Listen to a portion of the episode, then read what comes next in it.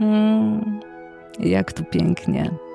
Ciepły dzień, błękitne niebo, miękka zielona trawa, a na tej trawie zupełnie ubrani mężczyźni i goła baba, która w dodatku bezczelnie celuje w nas wzrokiem. Tak właśnie wylądowaliśmy na najbardziej skandalizującym pikniku w historii malarstwa. O co w tym wszystkim chodzi? Spróbujmy przenieść się do Paryża 1863 roku i razem odkryjmy, jak zwykły obraz mógł stać się miejscem zdrady, skandalu i tajemnic. Zabierz koc, zabierz kosz piknikowy, bo zapraszam Cię dzisiaj na prawdziwe śniadanie na trawie. I nim zaczniemy, jeżeli podoba Ci się to, co robię i chcesz wspierać podcast Dawno temu w sztuce oraz brać czynny udział w jego rozwoju, postaw mi kawę na bajkafi.tu ukośnik Dawno temu w sztuce. Powtarzam, bajkafi.tu ukośnik Dawno temu w sztuce. To portal, który wspiera internetowych twórców. Cel jest jeden: zapewnienie Ci jak najwyższej jakości dźwięku, by słuchanie podcastów stało się dla Ciebie jeszcze przyjemniejsze. Mhm. Postaw kawę na swój wolny czas. Link znajdziesz w opisie. Dziękuję za wszystkie kawusie i zapraszam na kolejne podcasty. Agnieszka Kijas. Thank you very much.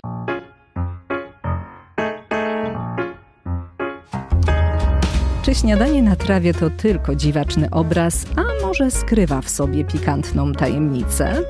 Jakim cudem zwykły piknik wywołał aż tak wielki skandal? I co tu robi ta goła baba? O tym wszystkim opowiem już za moment. Nazywam się Agnieszka Kijas i jestem krytykiem sztuki, a ty słuchasz 91 odcinka podcastu z serii Dawno temu w sztuce, czyli wszystko, co chcesz wiedzieć o malarstwie, ale bez nadęcia. Dzień, dobry wieczór. Witam Cię serdecznie, moja droga słuchaczko i mój drogi słuchaczu. Witam Cię na tajemniczej polanie pełnej sztuki i kontrowersji. Dzisiaj dosłownie siedzimy razem na trawie, na miękkim kocu i rozpoczynamy niezwykły piknik. Czeka na Ciebie podróż pełna kolorów, pełna emocji oraz pikantnych sekretów i zdrad. Czy słyszysz ten szmer trawy? O, posłuchaj. tak, to jest prawdziwa trawa, bo ja naprawdę siedzę sobie w parku na trawie i nagrywam ten e, podcast dla ciebie pod chmurką, więc jeżeli raz na jakiś czas usłyszysz jakieś dziwne głosy w tle, bo mogą przechodzić tutaj ludzie, przejeżdżać rowerzyści, no to musisz mi wybaczyć, ale postanowiłam wyjść z dusznego domowego studia nagrań, by bardziej w otoczeniu mm, sprzyjającym do opowieści o tym podcaście wczuć się w klimat e, śniadania na trawie. Czyli mamy prawdziwy piknik na świeżym powietrzu i zachęcam Cię też do tego, żeby może posłuchać tego odcinka podczas spaceru. Czemu nie, prawda? Czemu nie? Na powietrzu sztuka też wchodzi bardzo dobrze. Ale bez względu na to, gdzie i kiedy tego słuchasz, to bardzo Ci dziękuję, że jesteś tu razem ze mną, że wspólnie odkrywamy kolejną, no tym razem dość swawolną tajemnicę ze świata wielkiego malarstwa. A teraz umość się wygodnie, poczuj zapach natury i pozwól sobie na chwilę relaksu w towarzystwie wielkiej sztuki i równie wielkiego skandalu. Oh my God! Jesteśmy w lesie. Jesteśmy w lesie i to na dwa sposoby, bo po pierwsze, jesteśmy w lesie, ponieważ właśnie tu na leśnej polanie rozgrywa się akcja jednego z najbardziej kontrowersyjnych pikników w historii malarstwa. Ale czy aby na pewno postacie z tego obrazu siedzą na leśnej polanie? No właśnie, tu dochodzimy do podrugie. Jesteśmy w lesie, bo tak naprawdę nie mamy zielonego pojęcia, co się na tym obrazie dzieje. To przedziwne połączenie. Widzimy dwóch modnie, jak na tamte czasy, ubranych mężczyzn, którzy siedzą na trawie i jak gdyby nigdy nic prowadzą spokojną rozmowę. Cóż, zdawać by się mogło, że wieje nudą. Ale wystarczy dodać do tego nagusieńką kobietę. Say what? I mamy aferę. Tak, wiem, już słyszę te głosy, te sceptyczne głosy na zasadzie hola hola, koleżanko, ale cóż to za afera? W końcu w sztuce każda naga kobieta równa się skandal. No, mniejszy lub większy, ale jednak. Sprawą tej trójki co najwyżej powinna zająć się paryska obyczajówka i już. O co tyle krzyku? Hmm? Dobre pytanie. Przez lata nikt nie dał na nie jasnej odpowiedzi. Ten obraz ciągle intryguje, bo to nie był zwyczajny obraz. Ponieważ my tak bardzo lubimy obrazy, które opowiadają nam jakąś historię. Znasz to, prawda? Chcesz wiedzieć, co dzieje się na obrazku, chcesz go zrozumieć. Stąd też, kiedy stoimy przed obrazem, spodziewamy się jakiejś logicznej opowieści, jakiejś narracji. A Edward Manet postanowił namieszać. Na jego obrazie nic nie jest jasne. Istne pomieszanie z poplątaniem. I tu już pojawia się pytanie, kim właściwie był ten cały Edward Manet? Ha! On został okrzyknięty ojcem impresjonistów, choć nie zupełnie planował być liderem tej grupy. No, do tego może jeszcze wrócimy, a teraz zastanówmy się nad samym obrazem. Przyjrzyj mu się. Co widzisz? Dwóch ubranych mężczyzn na trawie, a między nimi siedzi naga kobieta. Jest też piknikowy kosz, który nikomu nie przeszkadza, a gdzieś tam w tle stoi inna kobieta w wodzie. Swoją drogą nie mam pojęcia, co ona robi. Nie wiem, czy ona pierze koszulę, czy łowi rybę, a może po prostu myje nogi. Trudno ocenić. Bohaterowie z tego obrazu nie patrzą na siebie, ale jedna postać nawiązuje kontakt wzrokowy z nami patrzy wprost na ciebie i na mnie. Zuchwale świdruje nas wzrokiem. Hmm, to jest dopiero szaleństwo. Daję sobie rękę uciąć, że gdybyśmy pokazali ten obraz przeciętnemu Kowalskiemu, takiemu, co ze sztuką ma niewiele wspólnego, to rzuciłby na śniadanie okiem i zapytałby prosto z mostu. Halo, co tu robi ta goła baba? Na obrazie widać jeszcze łódź, czerwonego ptaka i niezbyt starannie namalowane tło. To wszystko razem wydaje się takie no, no bez sensu. To taka próba ułożenia puzli, do których dołączyły się części z innego zestawu. Na pierwszy rzut oka myślisz, to przecież musi coś znaczyć, to jednak po chwili rozumiesz, że to nieprawda. Sensu nie ma. Na początku obraz nazywał się Kąpiel. No, to chociaż tłumaczyło kobietę pluskającą się w wodzie, ale z czasem Manet postanowił zmienić tytuł na śniadanie na trawie. Brzmi jak piknik, prawda? Ale nie byle jaki piknik. Ten piknik zadebiutował na głośnym salonie odrzuconych. Ta wystawa była tematem numer jeden w Paryżu. Ludzie tłoczyli się tam jak szaleni. W ciągu sześciu tygodni przewinęło się przez salon pół miliona zwiedzających. Dzisiejsze najbardziej huczne ekspozycje mogłyby się tylko czerwienić z zazdrości już na samą myśl o tej frekwencji. Teraz podobnym zainteresowaniem cieszą się inne galerie. Tak, te handlowe. Cóż, inne czasy, inny świat. Lecz salon odrzuconych stanowił coś wyjątkowego. Był krokiem w stronę radykalnej zmiany. Zmiany w sposobie myślenia o sztuce. I żeby zrozumieć całą tę aferę z salonem odrzuconych, musisz wiedzieć, o co chodziło w tym oficjalnym. Otóż oficjalny salon to było miejsce, gdzie kariera artysty mogła nabrać rozpędu albo ugruntować się na dobre. Ale czy to było miejsce na odważne eksperymenty? Proszę cię. Tam chodziło o klasykę, o to, co nazywano sztuką z najwyższej półki. Wielu artystów zgłaszało swoje prace, a jury wybierało te, które były nie tyle doskonałe, co odpowiadały ich gustom. Żeby dostać nagrodę, trzeba było w ten gust trafić. Co królowało? Obrazy historyczne albo mitologiczne scenki. Cała ta patetyczność, heroizm i jedna wielka ściema, pełną dlejących dziewczynek i nadętych herosów. Co roku spływały też akty, ale jakie to były akty? Wygładzone, wyidealizowane do bólu, czy też, jak to mówią, wylizane. Innymi słowy, malujesz nimfy i bogów, a bilet na salony masz w kieszeni. I wydaje nam się być może to takie odległe, ale zastanów się przez moment, jak jest teraz. W zasadzie nic się nie zmieniło. Wystarczy przejrzeć kolorowy czasopisma albo rzut okiem na zdjęcia w sieci, na Instagramie. Wszyscy szczupli, gładcy i zbyt perfekcyjni, jak z komputera. Zresztą pewnie stamtąd pochodzą.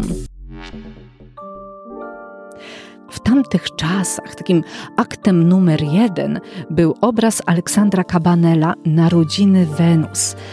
Cukiereczek, jak się patrzy, czysta klasyka. Oto na naszych oczach prosto z morskiej piany rodzi się bogini piękna. Jej ciało kipi zmysłowością, zgrabne biodra, pełny biust i wyzywająco sterczące sutki. Hmm? Wielu mężczyzn, patrząc na ten obraz, straciło głowę, a ich myśli błądziły tam, gdzie pragnienia wypierały zahamowania. Czarowi tej pięknej bogini uległ również Napoleon III, który dodał ten obraz do swojej pokaźnej kolekcji aktów. W jego zbiorach nie brakowało dzieł, które dzisiaj moglibyśmy porównać do pikantnej pornografii. No cóż, prawda jest taka, że jak świat światem akty powstawały zawsze z myślą o mężczyznach. Mitologia to był tylko pretekst.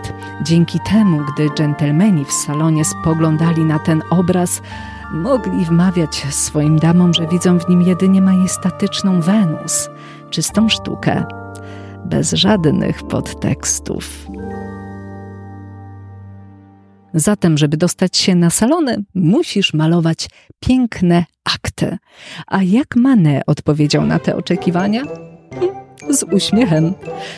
Mówią, że mam malować nagość, tak? Dam im ją. I dał. Tylko, że śniadanie na trawie zupełnie nie spełniało salonowych standardów malowania gołej pupy. W takim razie jak to się stało, że na salonie zawisła naga kobieta w towarzystwie dwóch ubranych mężczyzn? To przecież nie ma nic wspólnego z antykiem. Sęk w tym, że nie zawisła. Manet postanowił przedstawić na salonie trzy prace, w tym kontrowersyjne śniadanie na trawie. Niestety wszystkie trzy zostały jednomyślnie odrzucone. I mogłoby się wydawać, że to koniec drogi dla tych obrazów, ale 1863 rok przyniósł nieprzewidziane zwroty akcji. Jury odrzuciło niezwykle dużą liczbę prac, co wzbudziło ogromne niezadowolenie wśród artystów. Podnieśli krzyk. W odpowiedzi na głośne protesty cesarz Napoleon postanowił utworzyć salon odrzuconych. W osobnym pawilonie wystawiono obrazy, które nie zakwalifikowały się na oficjalną wystawę. Zaskakująco to właśnie te prace stały się główną atrakcją dla odwiedzających. Tak zwana komnata koszmarków przyciągała jak magnes. Wśród dzieł, które budziły mieszane uczucia, od nieporozumienia po zachwyt, jedno wyróżniało się jako źródło największych kontrowersji i stało się tematem gorących dyskusji. Krytyka była bezlitosna. W gazetach pełno było komentarzy typu Zwyczajna prostytutka naga rozkłada się między dwoma wystrojonymi lalusiami. Albo kobieta ma brzydką figurę, a jeszcze brzydszy jest mężczyzna obok. Wielu odwiedzało wystawę jedynie, by wyśmiać Manę. Podobno nawet cesarz podczas wizyty na salonie odrzuconych z obrzydzeniem odwrócił się na widok obrazu. I choć Manet był na ustach wszystkich, choć wywoływał salwy szalonego śmiechu, to dziwo nie do końca został okrzyknięty skandalistą. Bez wątpienia krytycy używali sobie na śniadaniu, lecz pomimo wszystko doceniali jego talent i umiejętności malarskie. W ich oczach był utalentowanym twórcą, który po prostu popełnił artystyczne faux pas, a nie jakimś outsiderem w świecie sztuki. A skąd takie łagodne traktowanie? Czyżby Manet miał fory? No, niby tak, bo Manet pochodził z zamożnej i wpływowej rodziny. Jego ojciec był sędzią z zawodu i liczył na to, że syn będzie kontynuować rodzinne tradycje prawnicze. Ale kiedy okazało się, że bardziej ciągnie go do pędzli, a nie do paragrafów, bliscy wzruszyli ramionami i dali mu święty spokój w tej kwestii, a rób sobie co chcesz. A Manet ich nie oszczędzał, bo kolejnym tematem do plotek stało się jego małżeństwo z Suzanne, holenderską nauczycielką muzyki o pełniejszych kształtach. Była w tym także sprawa syna, którego Manet oficjalnie nigdy nie uznał, ale to już temat na osobny podcast. Być może kiedyś będę omawiała tutaj obraz Balkon, wtedy na pewno zahaczę też o ten wątek z biografii artysty. Ale kiedy mamy patrzeć na Manet nie przez pryzmat jego biografii i wyborów życiowych, jego rodziny, ale przez pryzmat sztuki, to trzeba przyznać, że miał głęboki szacunek dla tradycji. Spędzał godzinę w Louvre, gdzie analizował i kopiował pracę wielkich mistrzów. Uważał, że to od nich można najwięcej się nauczyć, jednak nie zamierzał być tylko kopistą. Chciał wprowadzić coś świeżego, coś nowego. Chciał sprawić, żeby salon stał się miejscem, gdzie można podziwiać żywe, autentyczne postacie, a nie tylko idealizowane piękności. Manet pragnął zrewolucjonizować sztukę, a przy tym pozostać wiernym jej korzeniom. Charles Baudelaire, znany poeta, miał bardzo podobne podejście. Rzucił wyzwanie artystom. Malujcie teraźniejszość. Tak się do nich zwracał. Namawiał, by na płótnach pojawiali się ludzie prosto z ulicy czy z parkowej ławki, a nie tylko bogowie czy bohaterowie. No i Mane, zainspirowany tym poetyckim zrywem, podjął wyzwanie. Tylko jak to w życiu bywa, śniadanie na trawie było dla niektórych może troszeczkę zbyt na czasie. Na obrazie nie ma bogów. Są za to dwaj modnie ubrani studenci i kobieta która też ma gustowne wdzianko, tyle tylko, że chwilowo postanowiła się go pozbyć. Jej ubrania, kapelusz i modna suknia leżą rzucone na trawie. Co więcej, wszyscy troje byli znajomymi malarza. Pierwszy z mężczyzn to jego szwagier, a co do drugiego przypuszcza się, że do tej postaci pozowali po kolei bracia artysty. Gdy Paryżanie oglądali śniadanie na trawie, wielu mogło odnieść wrażenie, że te twarze wyglądają znajomo. Być może bohaterowie z obrazu przechadzali się wśród widzów, co dawało pole do szeptanych uwag. Popatrz, to ten. O, widzisz ją? To ona.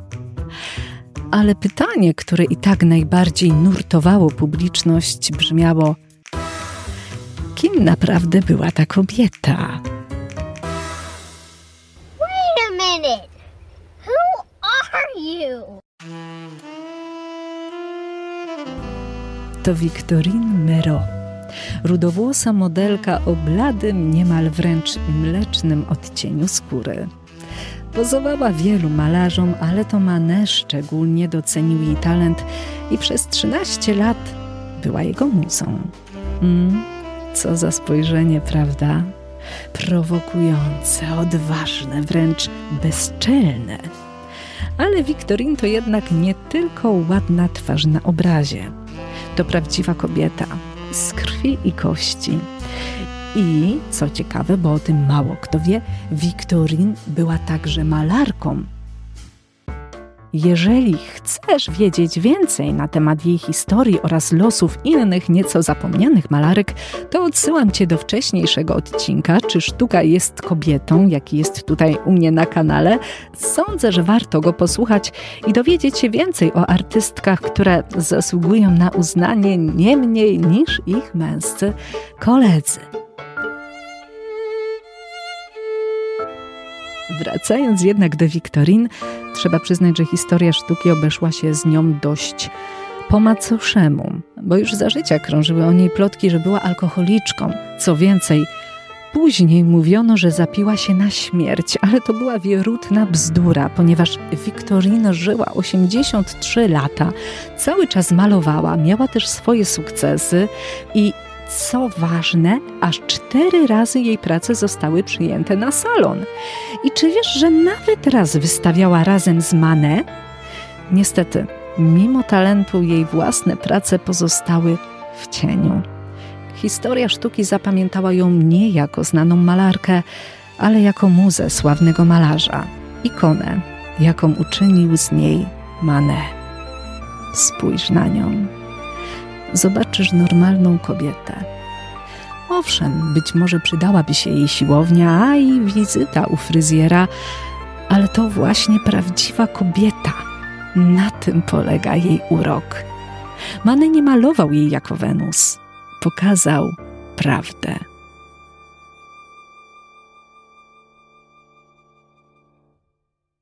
A najbardziej niepokojące jest to, że nie możesz oderwać od niej wzroku.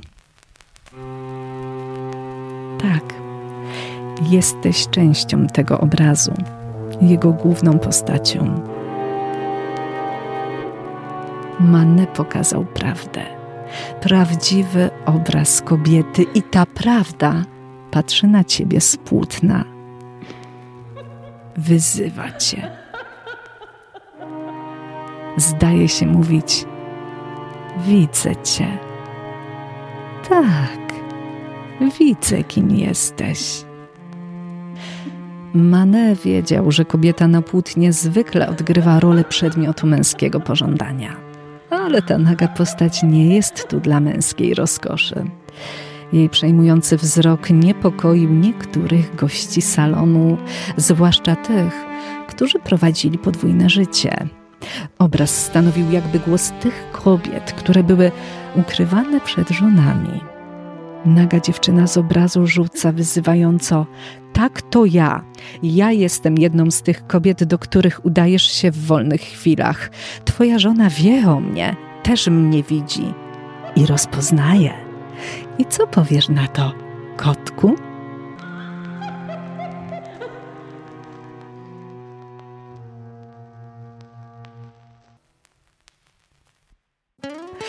Tak oto malując śniadanie na trawie, Mane wydobył na światło dzienne męską niewierność i zdradę. A przy czym sam nie był bez skazy, ponieważ zaraził się syfilisem i jak łatwo się domyślić, nie od żony. Od kogo? Mm, podpowiedź oczywiście znajdujemy na obrazie. Zwróć uwagę na jeszcze jeden niewielki szczegół. Lewy dolny róg płótna. Widzisz to? Małe, zielone stworzenie zwrócone plecami do postaci. To jest żaba. Mogła umknąć Twojej uwadze, ale na pewno nie znalazła się tu przez przypadek. Otóż w sztuce żaba często symbolizowała prostytutkę. To nie była nowość, ale jej umieszczenie na tym konkretnym obrazie było śmiałym posunięciem. To tak jakby Manne rzucił paryskiej elicie nagą prostytutkę prosto w oczy. Mimo tak odważnej interpretacji, pokazania męskiej zdrady w pełnej krasie, Mane nie odrzuca całkowicie tradycji. W śniadaniu aż roi się od cytatów i nawiązań do dawnych mistrzów. Otóż już ktoś to wcześniej namalował, konkretnie Marc Antonio Ramondi, który już w XVI wieku uwiecznił tę scenę na swoim słynnym sztychu Sąd Parysa. Dodam, że był to bardzo popularny sztych i wielu artystów miało jego reprodukcję w swoich pracowniach. Wieszali go jak plakat na ozdobę. A teraz przyjrzyj się, co dzieje się prawym dolnym rogu tej mitologicznej sceny. Otóż znajduje się tam nimfa wodna i dwóch bożków, którzy siedzą dokładnie w takich samych pozycjach jak postacie ze śniadania. Z tym, że tutaj oczekują na werdykt, kto jest najpiękniejszą kobietą świata.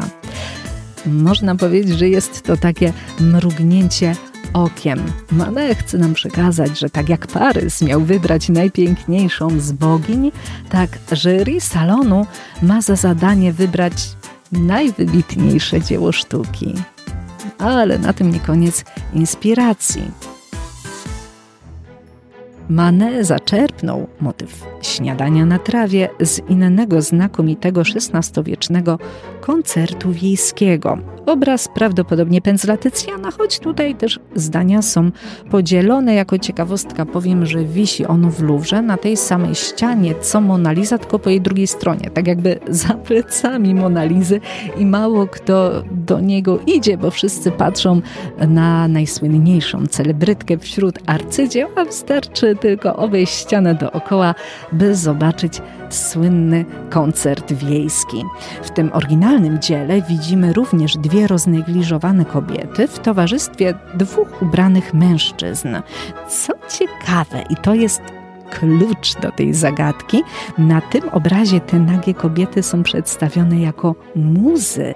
One inspirują mężczyzn, którzy siedzą na trawie i grają koncert. Ponieważ muzy pochodzą ze świata nadprzyrodzonego, to dlatego muzykanci zdają się ich nie dostrzegać. Oni ich nie widzą. Manet zobaczył ten obraz w Louvre i postanowił namalować go po swojemu, z prawdziwymi ludźmi, zamiast mus. Nie ma tu mitologii, czyli wszystko jest wbrew regułom. Manet malując śniadanie na trawie złamał chyba wszystkie zasady, które obowiązywały w tamtych czasach w sztuce. Kolejną z nich jest choćby rozmiar. Spójrz, jaki to jest duży obraz. Kto słyszał, żeby na tak wielkim płótnie malować zwykły piknik? Przecież takie formaty były zarezerwowane dla wielkich scen historycznych czy religijnych, no ale nie na coś tak codziennego jak piknik. Ponadto co z gatunkiem obrazu? To krajobraz, portret, martwa natura, a może wszystko naraz. Wygląda na to, że Manet postanowił połączyć te gatunki na jednym płótnie i tak wyszło wszystko wszędzie naraz. No i jeszcze ta technika malowania, grubo nałożona farba, pociągnięcia pędzla, które są widoczne gołym okiem, a czasem zamiast kształtu mamy tylko plamkę koloru. A przecież wtedy ludzie oczekiwali perfekcji. Obrazy miały być polerowane, pokrywane werniksem, idealnie naśladować rzeczywistość. Iluzja miała być perfekcyjna. Śniadanie to coś zupełnie innego. Wygląda raczej jak szkic czy studium, a nie jak gotowy obraz. Czy ktoś kiedykolwiek widział szkic takich rozmiarów? Manet nie zatrzymuje się na tym. Popatrz na tło, na ten las. Wydaje się, że to nie jest prawdziwa sceneria, ale coś na kształt dekoracji teatralnej, tła, na którym pozują nasi bohaterowie.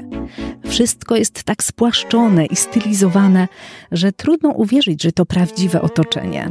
No, ja siedzę w prawdziwym otoczeniu przyrody, ale u Manet tego nie widać.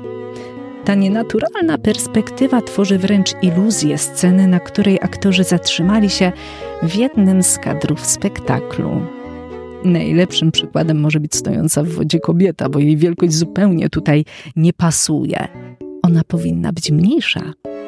Tak więc, gdzie my właściwie jesteśmy? Czy to naprawdę piknik w lesie, czy może raczej znajdujemy się w pracowni malarza?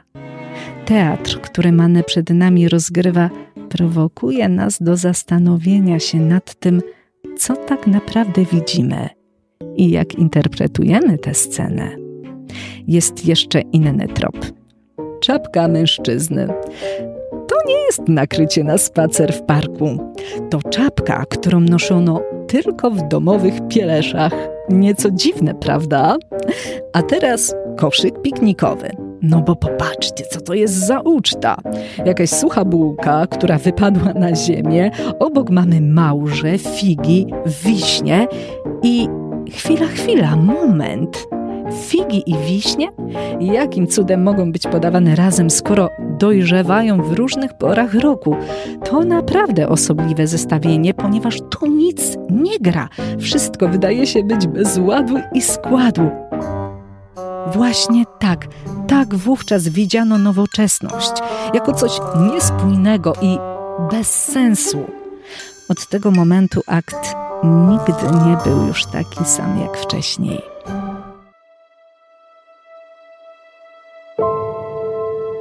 Tajemnicze i wycelowane prosto w nas spojrzenie Wiktorin hipnotyzuje, przeraża, wciąga.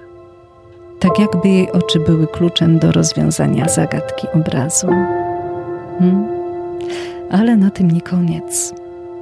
To samo niepokojące spojrzenie Wiktorin spotykamy na innym dziele Manet. Na Olimpii. Swoją drogą była to kolejna po głośnym śniadaniu na trawie porażka artysty. Równie sromotna. No, ale o tym opowiem już innym razem.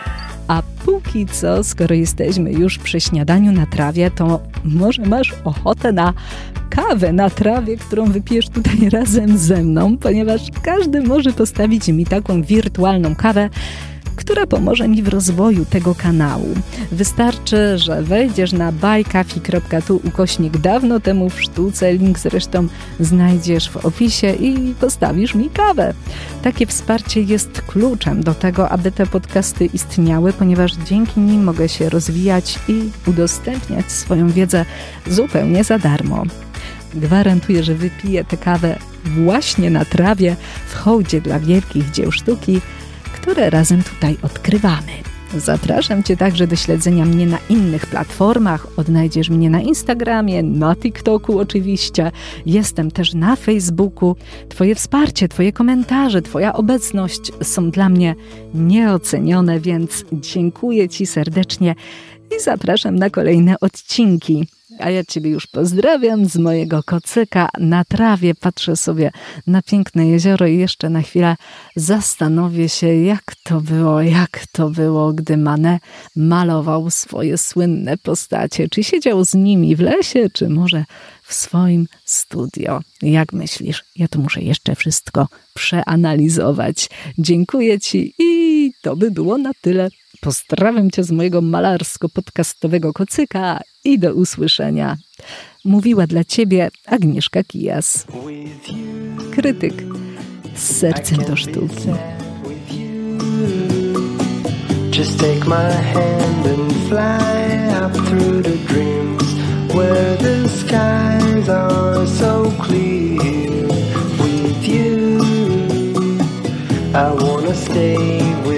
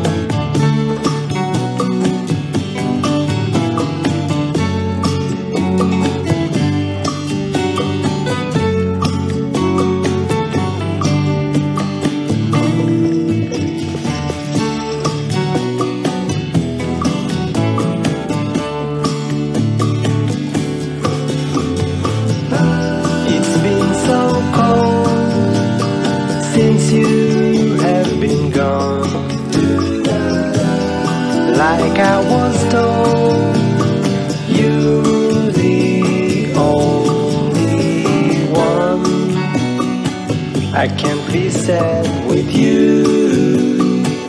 Just take my hand and fly up to the drops where the skies are so clear. With you, I wanna stay with you. I wanna stay with you. I wanna stay with you.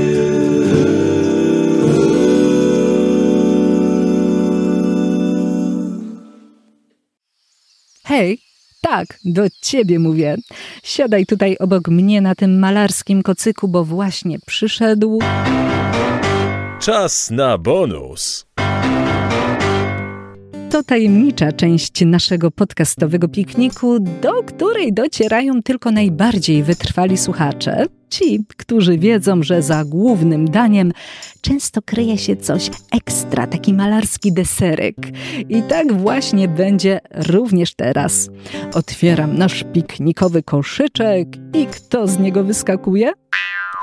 Sam Pablo Picasso. Co ty na to?